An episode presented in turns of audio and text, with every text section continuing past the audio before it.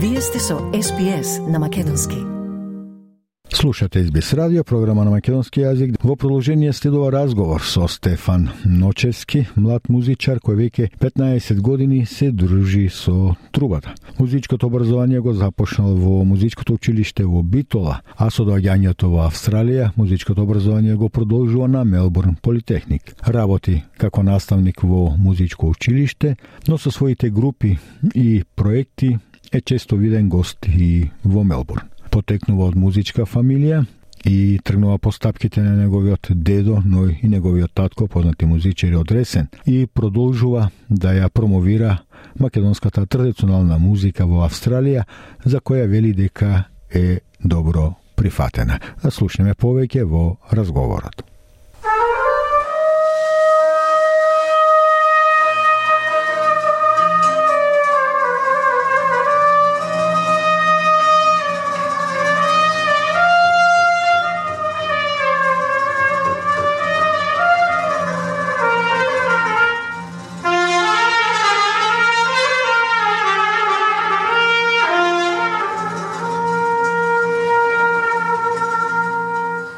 Господине Ночевски, добро да дојдовте на програмата на СБС радио, програма на македонски јазик.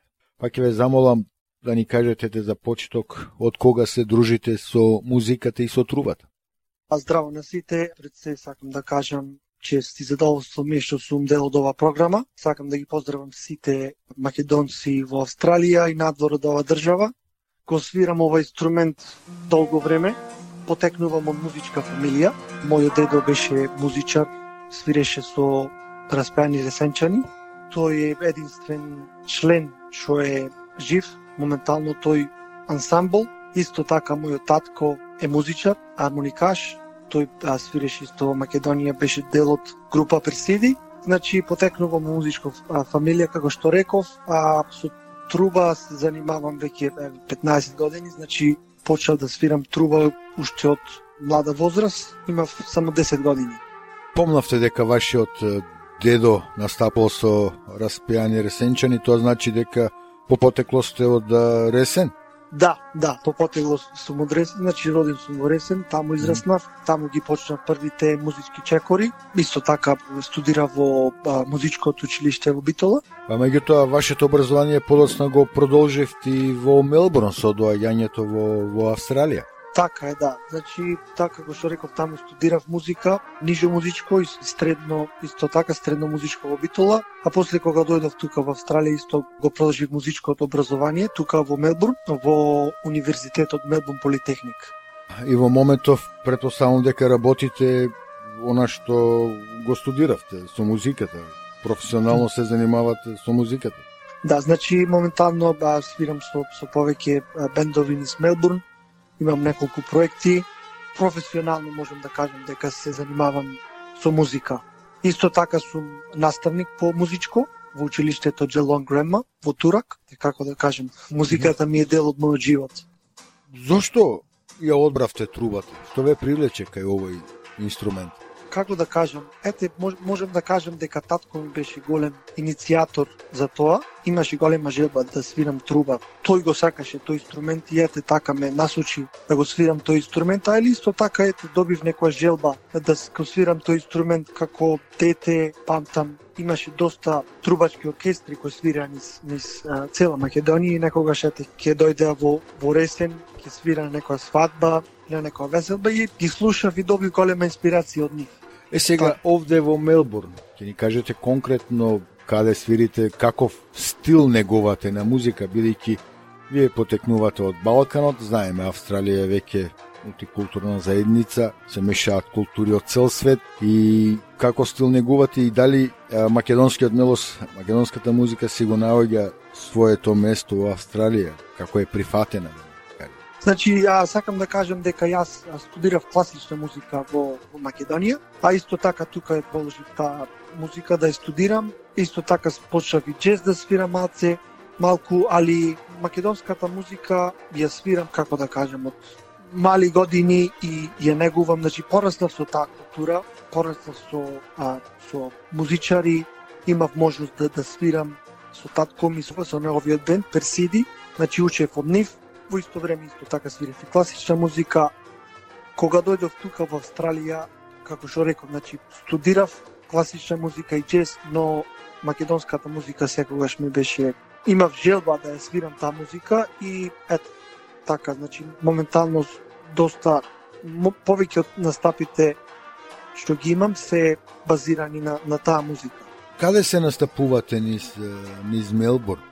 Значи низ Мелбурн настапувам по разни места, по разни клубови, разни кафичи, имаме свирни цел Мелбурн, а исто така и, и настапувам по, по приватни забави, значи свадби, каштевки, сите други веселби, како да кажем, наши веселби.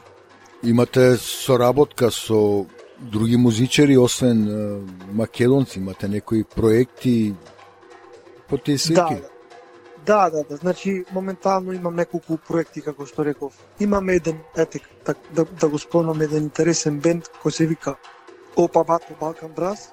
Тој е а, состав од лимен инструменти и во тој бенд имаме 10 членови. Од тие членови само се двајца кои се од Балкан значи јас и Душан, а другите членови се сите од австралиско потек. Значи тоа е многу интересно да се каже, значи ние сме тие двајца членови кои знаат ова музика, а другите членови се сите од австралиско потекло и стварно ја сакаат и ја негуваат ова музика. Значи го прифаќаат тој балкански стил, тој македонски стил на, на, на музика.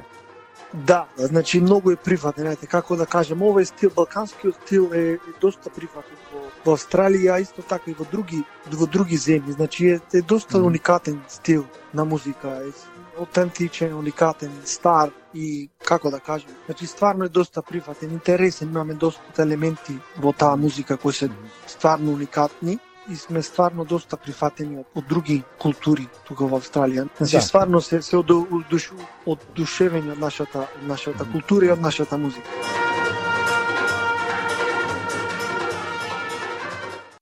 Забележав дека имате и еден друг проект со уште еден музичар со македонско потекло, Валентино Гиковски, да. кој свири на гитара, фламенго музика. За каков проект се работи со овој музичар? Значи, што туку почнавме еден нов проект со Валентино, ни дојде некоја желба, некоја инспирација да почнеме овај, да го почнеме овај нов проект, дуо, значи имаме труба и гитара, користиме доста елементи од, од Балканот, исто така Валентино свири и фламенко, стил на музика, така да, значи, тие две различни музики пробуваме да ги споиме и да направиме нешто уникатно, кое се надеваме дека гледачите ќе го прифатат. Значи е стварно нешто интересно да се да се види. Како се одрази пандемијата со COVID-19 и оние рестрикции во во вашите работење? Како и сите уметници ни цел свет и ние музичарите доста, како да речам, доста не ефектира вирусот, значи изгубивме доста доста настани, доста свирки, ете како да кажем, конекцијата, значи со луѓето беше многу тешко за нас како музичари, значи ние зависиме од како да кажем, музиката е дел од нашиот живот и ние мораме да да, да настапуваме, да да свириме, да да сме креативни, како да кажем. И за нас стварно беше тешко да да, да се биде затворен дома и да, да не имаме таа можност да. да да бидеме како да кажем, да, значи да работаме, да свириме и да Да. Да се екзистира во нормални услови. Имате некои планови за во иднина? Планирате некои проекти? Да, значи имам секогаш а, имам нови идеи што работам моментално, имам нови идеи кои моментално работам и ете, кога ќе дојди времето, ќе имате можност да ги да ги слушнете тие нови проекти и идеи што ги имам. Секако за тоа кога ќе дојде време, Почитувани слушатели, тоа беше Стефан Ночевски, музичар од Мелбурн. Стефан, благодарам за разговорот. Фала ви многу, значи уште еднаш голем поздрав до сите. Ми беше задоволство што бев дел од оваа програма и се надевам дека ќе се чуеме пак и поздрав голем.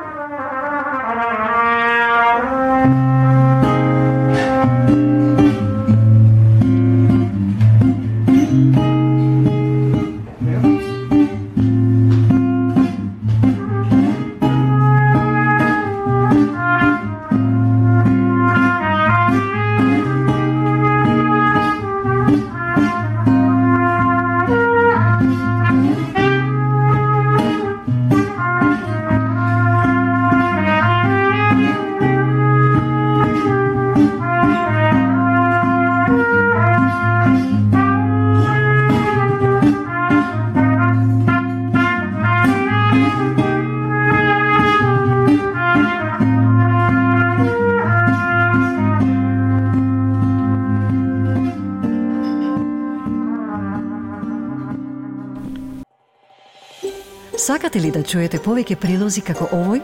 Слушате подкаст преку Apple Podcasts, Google Podcasts, Spotify или од каде и да ги добивате вашите подкасти.